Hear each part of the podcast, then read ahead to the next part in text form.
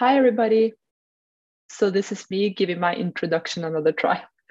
Together with ICAN Norway, the Norwegian Peace Council invited two of the world's leading experts on nuclear weapons and their financing, Matt Korda and Susie Snyder, for a webinar we dubbed The Big Business of Nuclear Weapons. We asked them to talk to us about what are modern nuclear weapons, how much do they cost, and who or what pays for them. For the first time in maybe 30 years, nuclear weapons and nuclear war has made its way to the general public debate.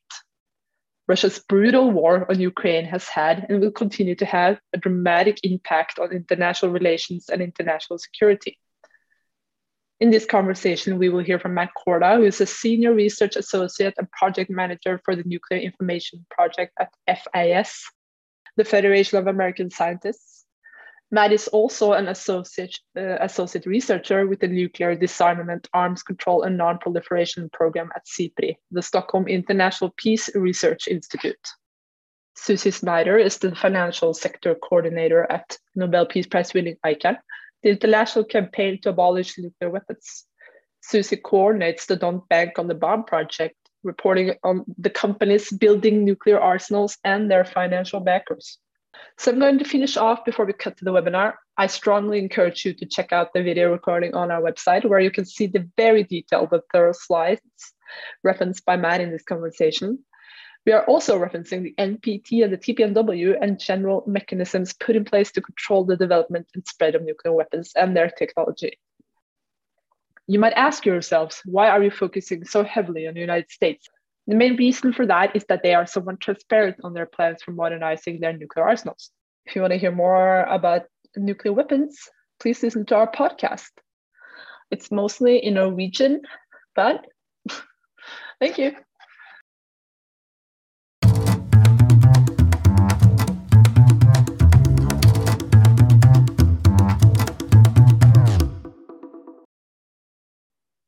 Okay, so um, yeah, so thank you, thank you so much for uh, for having me here, and um, thank you, you know, to the organizers, to Norwegian Peace Council, uh, ICAN Norway, um, also to Susie for being here. I'm really excited uh, that we finally get to to be on a panel together. Um, of course, like we uh, use, you know, the Don't Bank on the Bomb report um, all the time in our in our work at FAS and at SIPRI, and it's it's incredibly useful. So um, I'm really excited to to be here. Um, so thank you again for the for the introduction. So, you know, for folks who don't know me, um, I'm Matt Korda. I'm a senior research associate and project manager at, at the uh, Federation of American Scientists. And the goal of our work there is really to try and um, pull back the curtain on excessive nuclear secrecy and to empower the public with factual information about nuclear weapons policy and operations, um, with the goal of you know, ultimately challenging assumptions and improving uh, accountability about nuclear weapons. And so, in the interests of global nuclear transparency, our goal is, is to produce, um, to the best that we can, the best non classified estimates of global nuclear arsenals and trends. Um, we do that by analyzing information from a really wide variety of open sources, um, including things like budget reports. And we, we can learn a lot about the cost of different nuclear weapons programs, acquisition programs, development, things like that, um, from those kind of programmatic documents. And we publish some of those findings in the Bulletin of Atomic Scientists, um, as well as the SIPRI yearbook. And you can kind of see an example here. And so just to kick things off, just to kind of um, lay a bit of context for the discussion, I just wanted to, to begin with some big picture thoughts on the state of nuclear disarmament across the globe and then we can kind of talk a little bit about what is impeding some of the progress on disarmament. So my colleague Hans Kristensen and I um, estimate that as of the beginning of 2022, the, the total number of nuclear weapons in the world added up to approximately 12,705 warheads. And if you look purely at how the number, the total number of nuclear weapons in the world is changing from year to year, you would be forgiven for thinking that the disarmament picture is a lot better than it actually is because you know each year the overall number of nuclear weapons in the world declines on a relatively steady basis. But that is almost entirely because of the united states and russia dismantling retired warheads. They dismantle you know a couple hundred each year. And that is basically where the where the good news ends from a disarmament perspective. Um, both the us and russia as well as every single other nuclear armed state are in the midst of expensive and extensive nuclear modernization campaigns with the with the kind of broad goal of replacing a lot of their Cold War era legacy systems with more modern systems. And you know, although the total number of nuclear weapons in the world is declining, it's important to note that the number of operationally available nuclear weapons is actually increasing. So, you know, countries like China, India, North Korea, Pakistan all increased their arsenals over the past year. Um, Russia has generally been on an increasing trend as well. And then in 2021, the UK government um, also reversed quite suddenly uh, decades of gradual disarmament policies and announced a significant increase in the upper limit of its nuclear inventory up to 260 warheads. And a lot of these weapon systems that are currently being developed and produced are uh, set to remain operational well into the 2070s and 2080s. So that sort of implies that these states are committing themselves to nuclear armament for at least the next half century, uh, which is uh, when you put that together, it is longer than the NPT has been in existence, uh, which is quite striking. So not only um, are the operationally available stockpiles of nuclear weapons increasing, but the number of dismantled warheads each year is shrinking. And so you can sort of see this dynamic represented on this graph as the blue line, which is the global stockpile number, trickles up. The orange line, which is the, the global nuclear inventory, including retired warheads, trickles down. And eventually, those two lines are just going to converge if no action on disarmament is taken. And when that happens, what, what that means is that the global inventory of nuclear weapons will begin to increase for the first time since the Cold War. And at present, there's, there's really no evidence that any of the nuclear armed states have the will um, or the interest in really pursuing nuclear disarmament or to develop any um, creative plans to, to kind of get us down that road, um, despite the fact that all of them claim to support nuclear disarmament and, and some kind of world free of nuclear weapons. So those are kind of just some background thoughts to, to set the stage for um, the next kind of part of the discussion, which is really about what's standing in the way of progress on disarmament. And I would say that there are a lot of factors at play, um, including you know, this renewed focus on great power competition, the expanding roles of nuclear weapons in countries' military doctrines and this kind of general disinterest in arms control that we're seeing. But a really big one, and, and one that I've been asked to focus on today, is the, the financial connections between big business and nuclear weapons. And you know, a lot of what I'm going to say is um, uses U.S. case studies because that's where I'm based, and we have a lot of information about that. But um, a lot of this is kind of standard practice within all nuclear armed states. Um, they just kind of take somewhat different approaches to uh, how they allow private companies or big businesses to interact with their government. And we can talk about that a little bit. So, you know, it's no secret that the arms race itself is, is fueled to a pretty large degree by um, the significant influence that weapons contractors and lobbyists have on government decisions. And, and you know, sometimes nuclear decisions uh, seem to be driven as much if not more so by corporate interests than by national security concerns. Um, in the United States, the defense industry is uh, really dominated by this handful of mega companies um, like Lockheed Martin, Raytheon, you know, Boeing, General Dynamics, Northrop Grumman, um, which have benefited from decades of consolidation and mergers that were facilitated by you know, one business-friendly uh, presidential administration after another. And these mega companies exercise a pretty tremendous amount of influence over US national security policy and nuclear weapons policy in a lot of different ways, including uh, direct lobbying, um, earmarking money towards preferential military projects, and directly contributing to the election campaigns of pro nuclear congressional candidates. Um, since 1990, the defense sector has contributed uh, nearly $350 million to these kinds of campaigns, um, have spent uh, $110 million on lobbying alone every year since 1998, and typically employs somewhere between 500 and 1,200 registered lobbyists each year. And notably, over the past decade, about three quarters of those lobbyists came through what we call the, the revolving door here in the United States, meaning that they um, switched in and out basically between uh, regulatory or, or oversight positions in government and then corporate positions in the private sector. And one particularly egregious case, which um, you know we can sort of use as a case study for this, is what this one headline called um, the senator turned lobbyist turned senator turned lobbyist, um, Jon Kyl. And it really shows how, how the revolving door enables these really clear conflicts of interest with regards to nuclear weapons spending. So um, during his four month stint in the Senate in 2018, um, Kyl advocated and voted in favor of legislation that would increase the profits of several defense companies that had previously employed him as a lobbyist or as a paid board member. And in particular, um, Jon Kyl was a big advocate for the W 76 2, uh, the quote unquote low yield nuclear warhead. Um, and he voted in favor of the development of the W 76 2.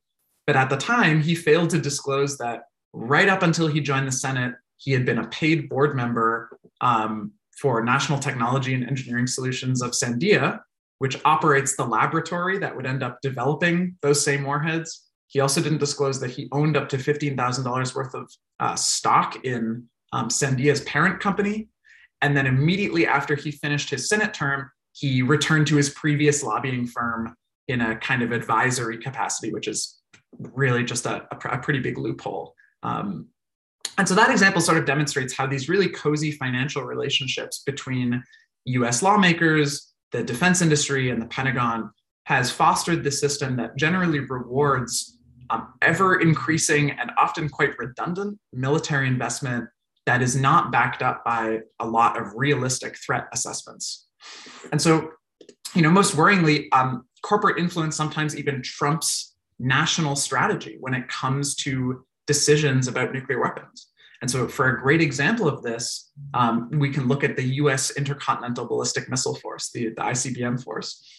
Over the past 15 years, politicians that represent uh, ICBM host states, so the states where those missiles are actually deployed, they have played a huge role in dictating nuclear force posture and occasionally even overriding the guidelines set by the Pentagon in order to prevent any reductions to the ICBM force at all. So, one example of this is in 2013, um, there was a big congressional debate over nuclear force posture, and the representatives from ICBM host states helped uh, kill this amendment to the, the National uh, Defense Authorization Act that tried to reduce the number of ICBMs from 450 to 300.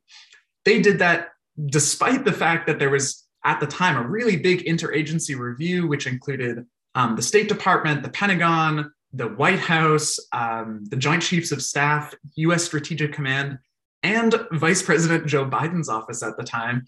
That review had concluded that US deterrence requirements could be still met by reducing nuclear forces by up to a third. And yet, at the exact time when that report came out, they were saying, no, we can't reduce the number of ICBMs you know, below 450 at all. And when the amendment was defeated, the, the author of the amendment, which was this, this Illinois Democrat named Mike Quigley, he had this great quote here, which is, you know, he said, I've been here for four years and I now recognize what the Department of Defense is. It is our jobs program. I respect my colleagues defending jobs in their district, but this isn't about national security. It's about job maintenance. And then he went on to say, you know, if we're going to be spending money to create jobs, I would rather build things like bridges, schools, and transit systems, which to me makes sense. But so um, more recently, uh, during the contentious and, and still ongoing debate about replacing the existing ICBM force with the brand new ground based strategic deterrent, um, which is going to cost about $264 billion, defense corporations played a pretty major role in swaying the outcome in their favor. So you know, for example, Northrop Grumman, which was selected um, to produce and develop the, the GBSD, they were selected in a, in a single source bidding process, which was quite unprecedented for, for a contract of that size. Um, they employed about 50 lobbyists in 2020. Most of them swung through the revolving door from previous positions in government. And not only were those lobbyists critical for helping the votes go their way, but they also played really key roles in preventing um, studies from being authorized to even you know spark public debate or to do an independent cost assessment so the public was effectively denied um, really any kind of scrutiny into the program uh, at all right so um, this kind of icbm coalition which which exists in, in the senate and in the, the house of representatives um, is pretty generously funded by weapons contractors and other corporations that stand to materially benefit from continued investment in the ICBM program. And this um, 2021 report from the Center for International Policy, they revealed that between 2012 and 2020, um, the major ICBM contractors contributed approximately 1, 1.2 million to the congressional campaigns of those members of the, of the quote unquote ICBM coalition, as well as about another 15 million to members of um, you know, strategic forces subcommittees, defense appropriations subcommittees, like the members that play really key roles in authorizing uh, nuclear policy decisions in the United States. And these congressional lawmakers really benefit um, from their relationship to the defense industry for mostly for parochial reasons, right? That these ICBM bases um, they employ a large percentage uh, of their those states' respective labor forces, and they often talk about you know the indirect economic benefits um, of having those types of bases in their states. So indirect benefits meaning you know things like people going grocery shopping or kids registering at, at schools, right? They're kind of intangibles, but you know those numbers tend to inflate the amount to which um, quote unquote military programs create jobs in their districts. And so, you know, as, as part of that effort, right, they, these senators will often claim that these, you know, new nuclear weapons programs and things like that create these large numbers of jobs across the country. But external analysis suggests that those claims are often exaggerated and that defense investment is actually among the least productive of federal investment opportunities. So the cost of war project at Brown University um, had this great study a couple years ago that said, you know, while $1 million in defense creates 6.9 jobs, the exact same amount directed towards other types of industries like clean energy, infrastructure, healthcare, education creates substantially more. And they, they said, you know, for the same amount of spending, clean energy and infrastructure creates uh, 40% more jobs than the military, healthcare creates 100% more, and education 120% more. And in countries where governments are somewhat less responsive to their constituents, you know, such as Russia or China, the links between the state and the defense industry are still very strong, and in some cases even stronger. They just manifest in different ways. So in Russia, for example, um, the vast majority of the defense industry is owned directly by the state, uh, while private industry represents only a very small piece of that pie. And, and within those state-owned enterprises, there's a lot of connections between you know the managers and the, and the boards of of those defense companies and you know the state administration right? Sometimes they're the same people. Um, and many defense corporations are tied to, to then private businesses that go to private bank accounts of, of senior russian officials. In china it's kind of a similar story right? The defense sector is also state owned um, but things are more directed from a from a political party perspective and, and there's a bit of a heavier hand rather than russia's quite complex network of patron client relationships. But it, what it all amounts to is that in some instances, across all of the nuclear armed states, right, not just Russia and China, but also you know in the United States, there's some adaptation of defense policies to prop up certain elements of the nuclear weapons industry that have largely become obsolete. So, for example, this um, the Sarmat ICBM that Russia tested in uh, April last month has been under uh, development for over a decade, but according to Russian nuclear analysts, Russia's original plan had been to completely phase out this type of liquid fueled ICBM in order to replace them with newer solid fueled missiles. But doing that would have resulted in the closure of a particular you know, defense corporation that specializes in this kind of missile. So the SARMAT program just kind of went ahead, sort of almost as like a make work program, and now we're being uh, we're seeing it being tested in 2022 for the first time. So the unfortunate result of you know all of these types of decisions is that for um, you know many nuclear armed states much of nuclear policy uh, has been kind of devolved to a business decision and business is is um, really booming. So i think i'll i'll leave it there for now um, and turn it over to susie and i'm excited for uh, for questions. Thanks so much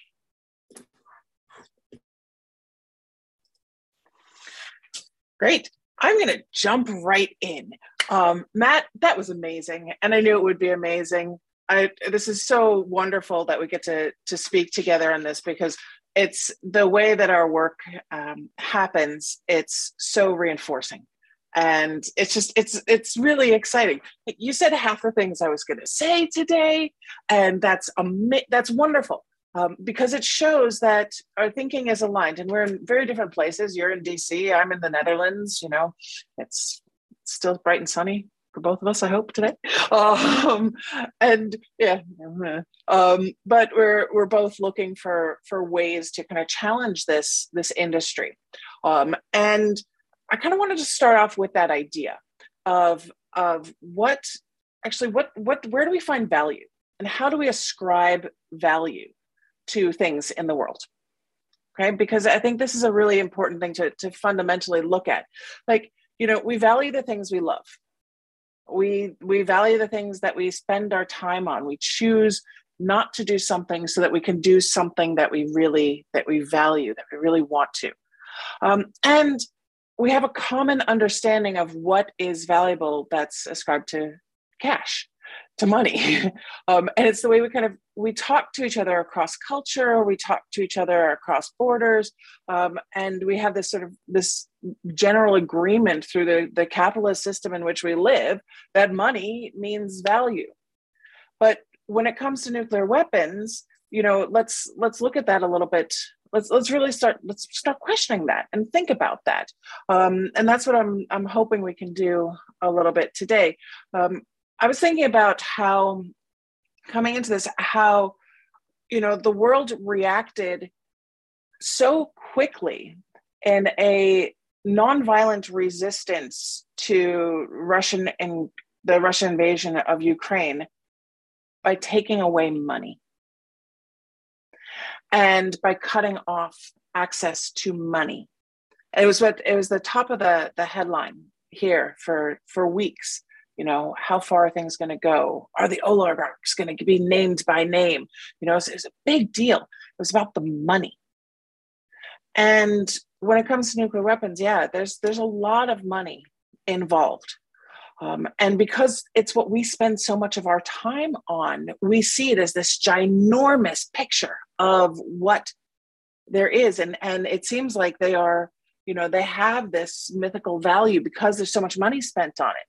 But I want to kind of pause that thinking just for a second, um, because a lot of the companies that are involved in the production of the key components for nuclear arsenals, um, the nuclear weapon contracts are not their biggest contracts.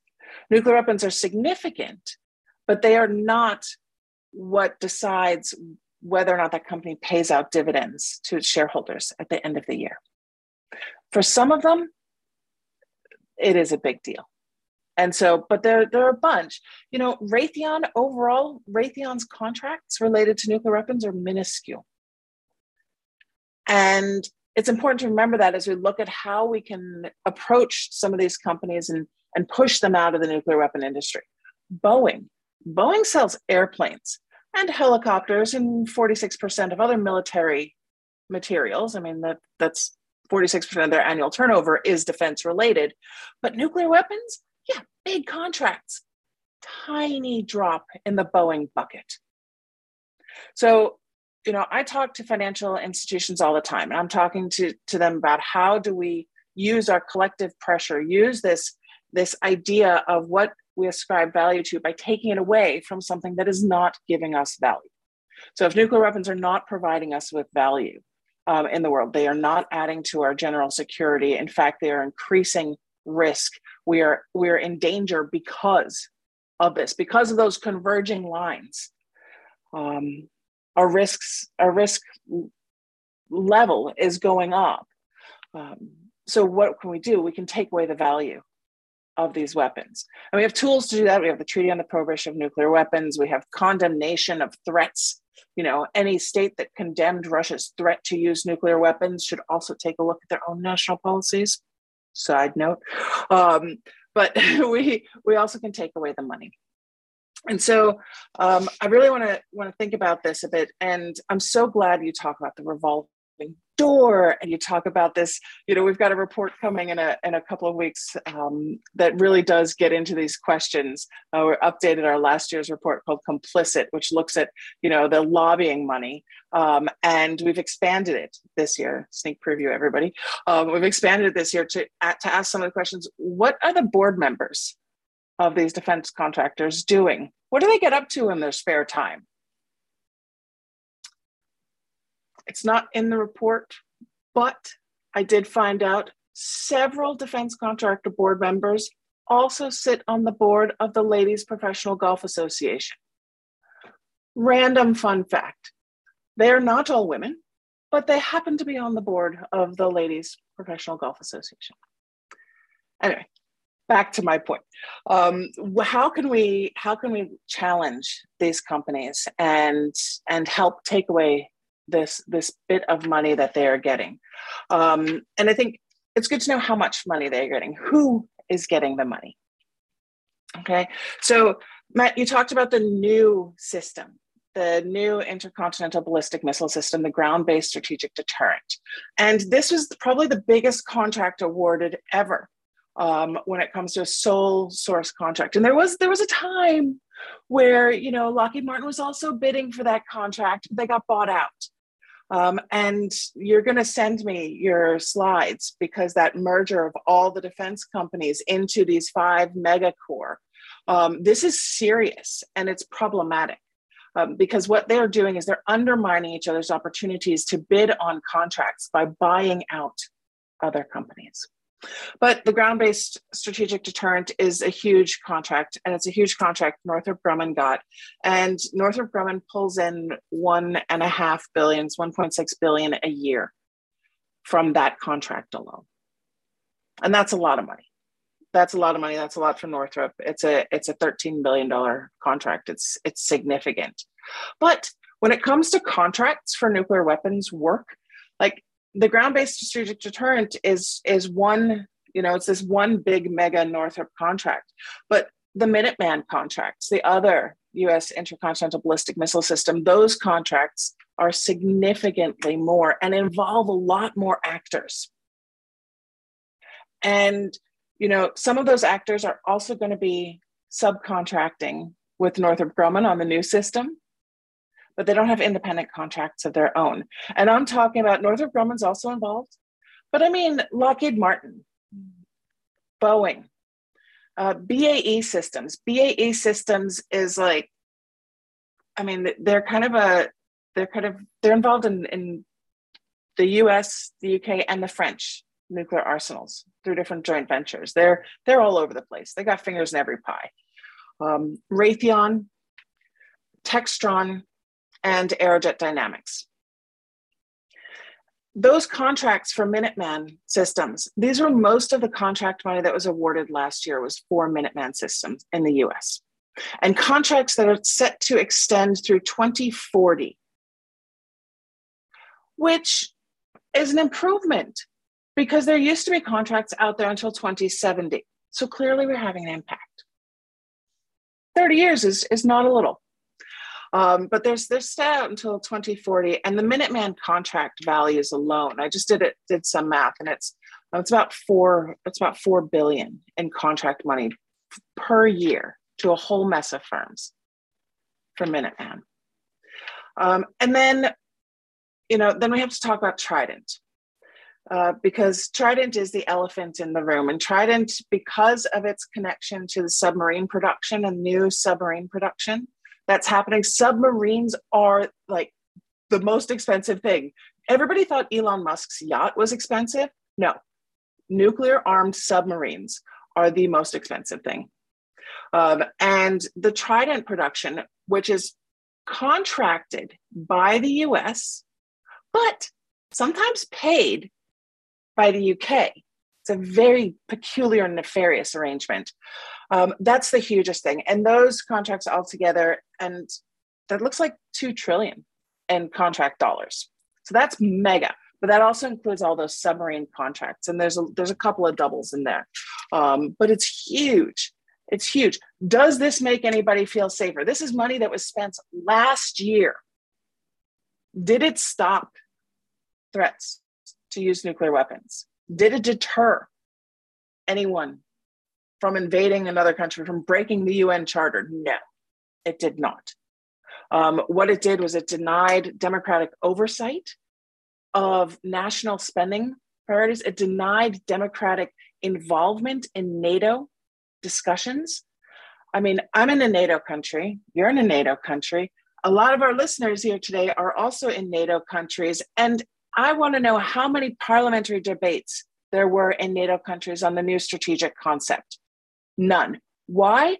Because NATO denies a democratic oversight of its decision making. It got burned during the last strategic concept.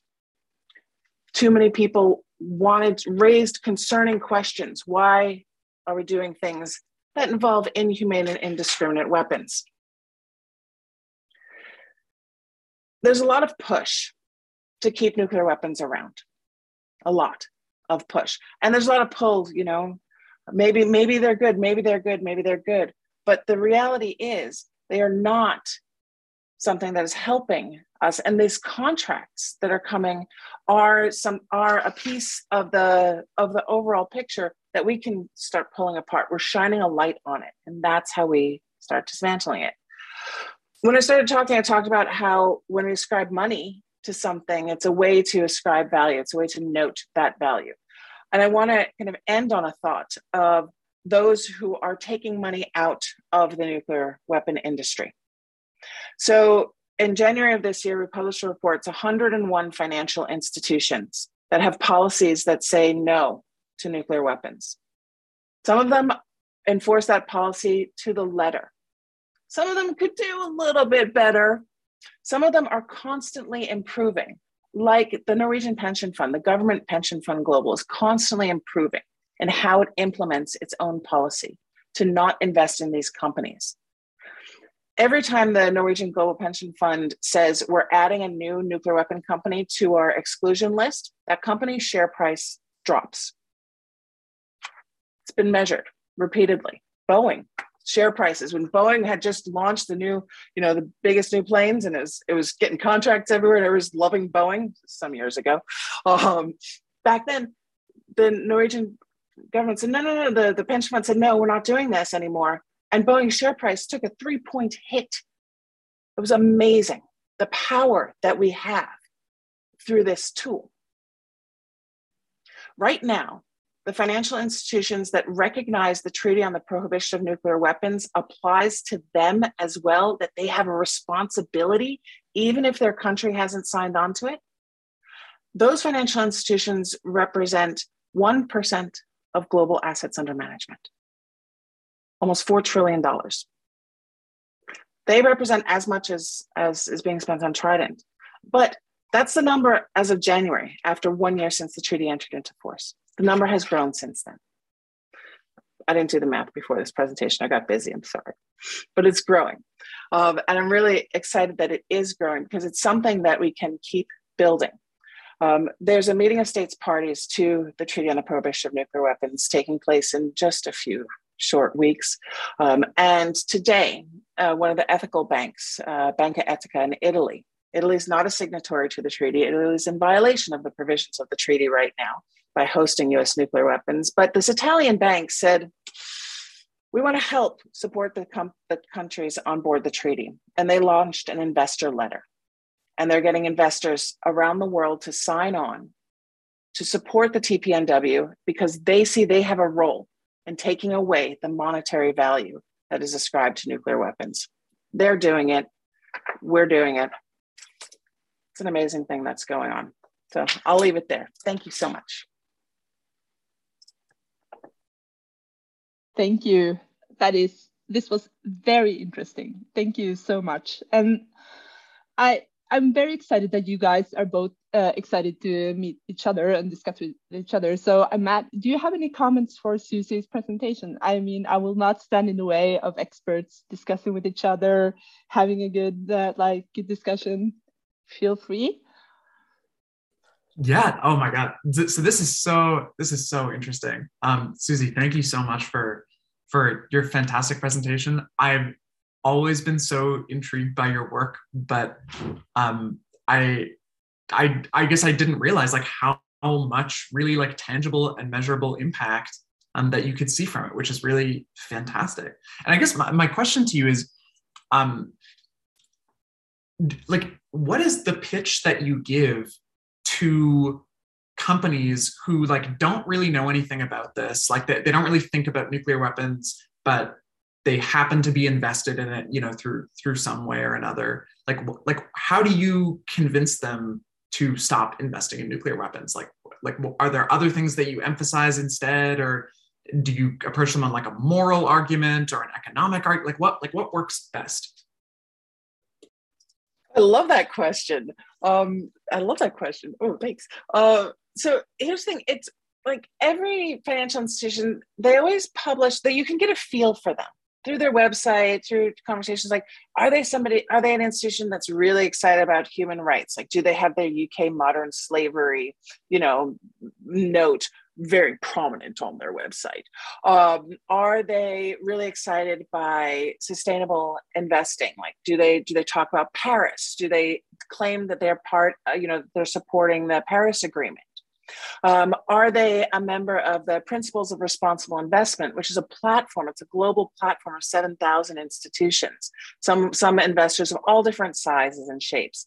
Do they say anything about the Organization of Economic Cooperation and Development guidelines on multinational multinational enterprise? No, it's a mouthful. You know, do, do they talk about the UN guiding principles on business and human rights? whatever it is, like, you know, I do some research. I try to meet people where they are. Um, and if they have a concern, like I've worked quite a lot with a with a Dutch institution, and they have really big concerns around human rights, like to the point that they they the first time I, I contacted them, they said, "Well, I'm not sure if I can talk to you. Do you pay your interns?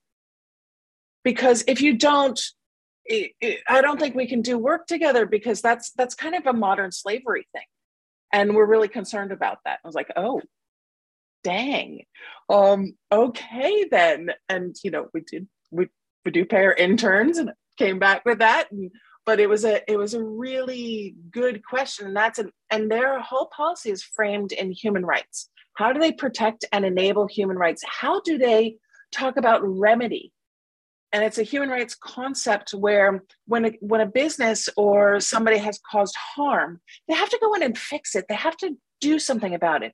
And i love it because then i can talk about the treaty on the prohibition of nuclear weapons and i can talk about the articles 6 and 7 of the treaty which are all about victim assistance and environmental remediation. I'm like this is remedy for nuclear weapons. And you know and we and we talk about it from from that way but it's always always going to where people are.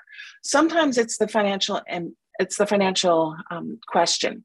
And now with the war in ukraine there's a huge push like the defense stocks skyrocketed. And investors who have historically been really strong on the issues are getting a lot of pressure pushback. We have to we have to invest in defense. We have to invest in companies that make weapons so we can give them to ukrainians. And they're, they've never been under this kind of pressure before and in that those situations to talk about well nuclear weapons. Let's talk about nuclear weapons. Because are you gonna are you gonna make nuclear weapons?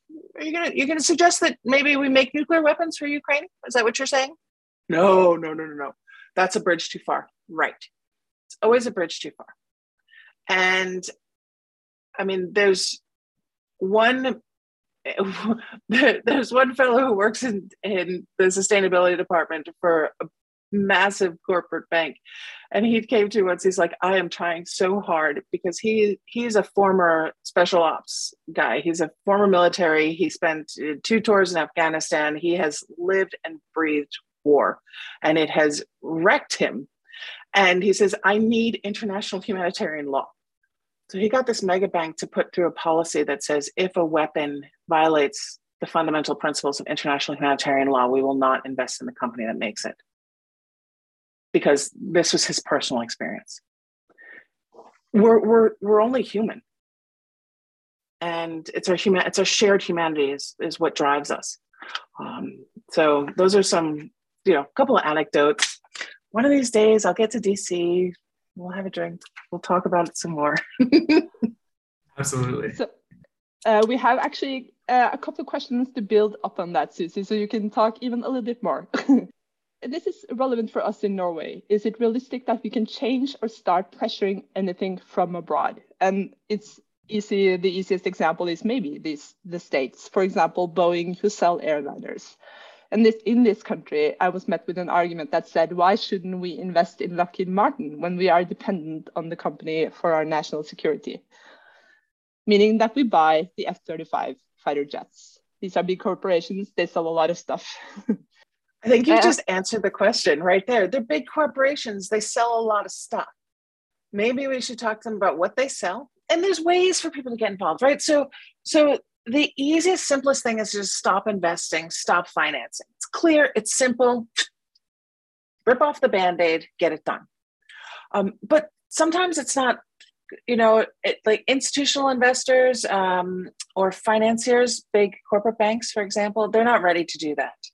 They want to look for other ways. So they have this process, they call it engagement. Um, and they want to talk to the companies involved, the companies that they are financing.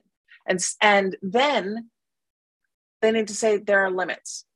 None of our money can be used to make anything related to nuclear weapons. We need to see it in writing. We need to be able to show in our annual report that we have a guarantee from you. Lockheed Martin's not going to give that kind of guarantee. And so it's a good way to put put additional pressure and also to help help make sure the conversation happens. Um, and from abroad i will tell you it is not it's not the us investors who are changing the us defense contractors. It's not the uk investors who got serco who used to be involved in the uk atomic weapons establishment to say publicly they will never go for another nuclear weapon related contract it's investors in other locations. And the power of transnational commerce cannot be underestimated.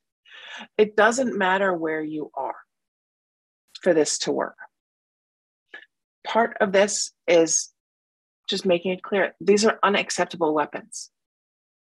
And that helps. That takes away the value. They're unacceptable. We're not going to give you our money. So it's a stigmatization and it takes away that financial incentive, that financial value. And that's what changes companies. So it changed Lockheed Martin on cluster bombs. It was not, it was not the US investors. The US investors didn't pick up on the issue at all. It was European investors that got Lockheed Martin to state publicly they will not ever build cluster bombs again because they do not want to risk being cut off from European markets that's that's you know there's so many stakeholders in this work. And this is a that was a really cool thing. And that's the kind of thing we're building on now. So matt i have a question for you. And it's my understanding was very much that the what is driving the modernization prog programs in the states are internal factors mostly. Not security assessment uh, related. Uh, and sort of a mix between private and public actors. So do you when uh, when the modernization programs uh, have been discussed publicly, do they engage with the mechanisms set in place to control nuclear weapons, like the NPT? Do they know about it?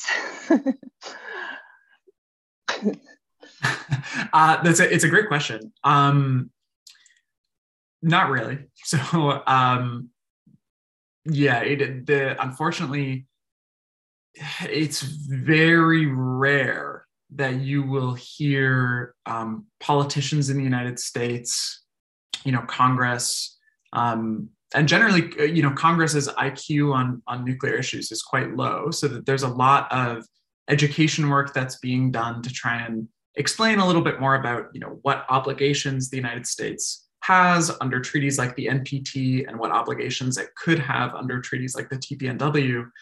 Um, but generally, Congress doesn't really know very much about these treaties at all. I think, aside from a, um, from a few very specific um, Congress people who take a very personal issue into this. Um, but it, it is interesting, right? And it's noteworthy that the drivers that um, US lawmakers have towards pursuing increased nuclear development um, don't really like it's interesting like they they'll cite mostly external factors right? They'll cite things like ukraine or north korea or iran or things like that. But when you kind of scrape under the hood a little bit a lot of it is very internal right? A lot of it is um, things like uh, you know, kind of like what we spoke about today, a lot of it is uh, the influence of defense industry or um, you know the Pentagon's kind of personal interest in you know getting itself new weapons, new toys, that that kind of thing.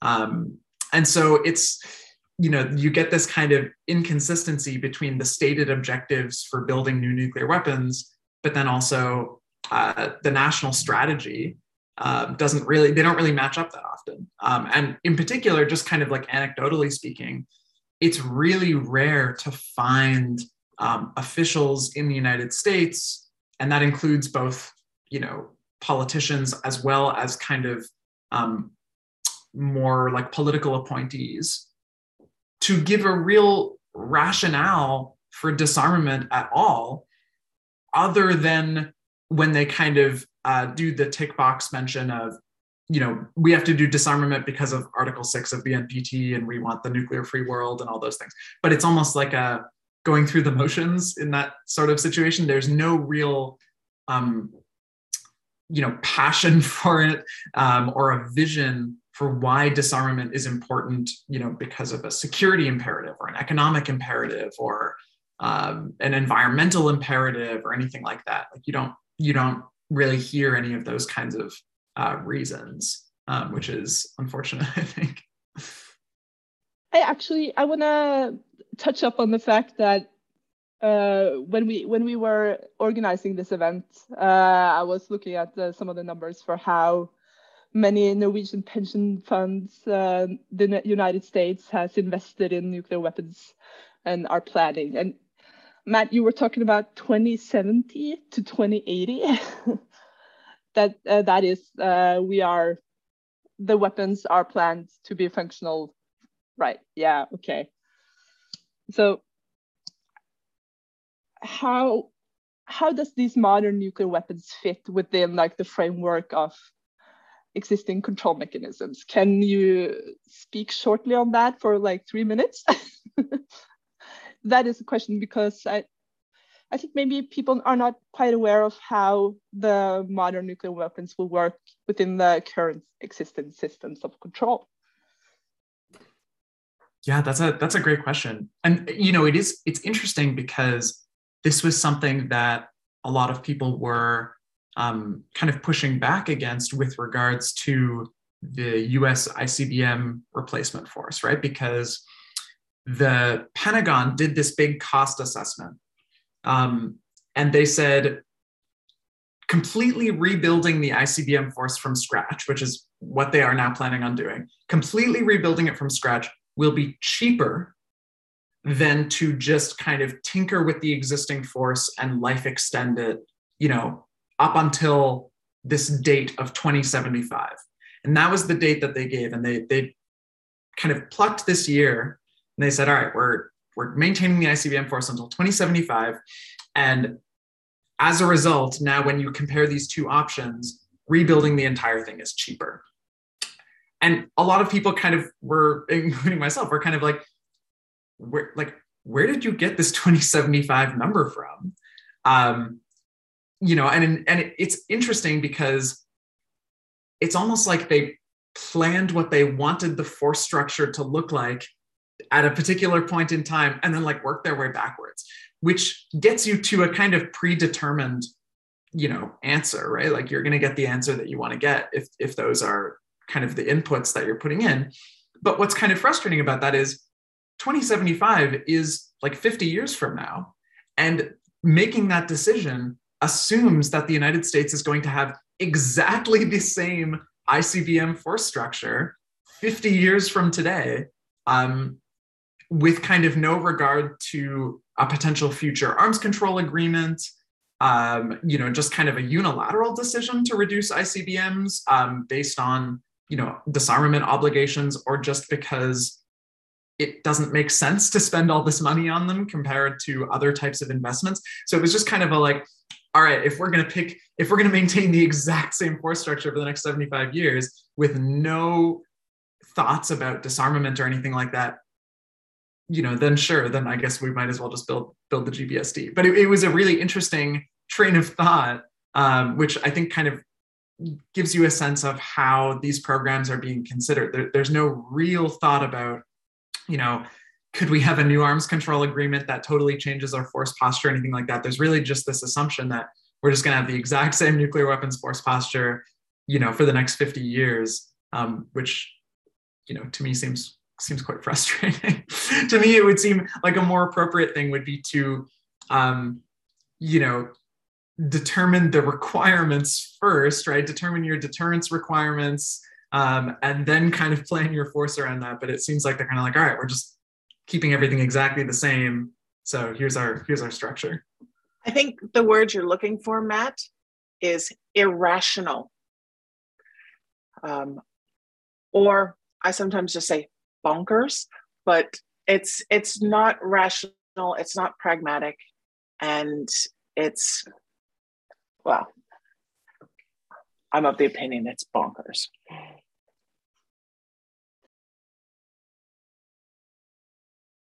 Susie, do you want to take this final question? We have two questions here. One is a very big one, and we don't have that many, we don't have that much time left. So, Nina from No to Nuclear Weapons Norway, how are US nuclear weapons lobbyists responding to the TPNW? Final question. Hi, Nina. Great to see you here. Um, and I'm seeing two things I'm seeing them ignore it or try to distract the conversation away from the one argument that we know wins every time. We know when we talk about the humanitarian consequences of nuclear weapons, there is no justification for nuclear weapons. And so they try to distract that and talk about Iran, North Korea, China, Russia, make people afraid. Those things I'm seeing, Matt, you, you're you're in you're there. What do you see? Uh yeah, like kind of a similar situation. Like they're really to be honest, I, I don't think they need to respond to the TPNW because it unfortunately like there is no political appetite in the United States um, for engaging with it at all, right? Like there there aren't really Congress people, even even Congress people who are kind of more on the the left side of things. Um, it's I cannot think of anyone who has even mentioned it in political discourse.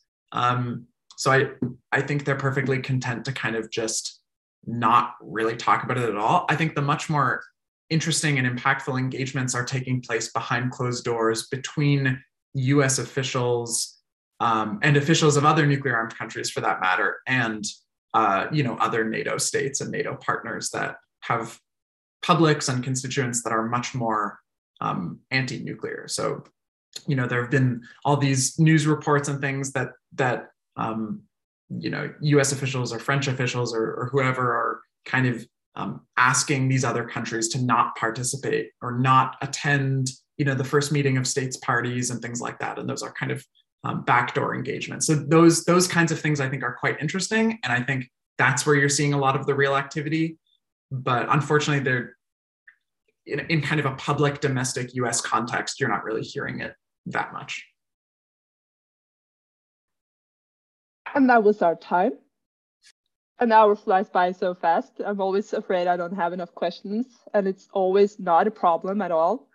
Thank you so much, Matt and Susie, for joining us. Thanks. Bye, everybody. Bye.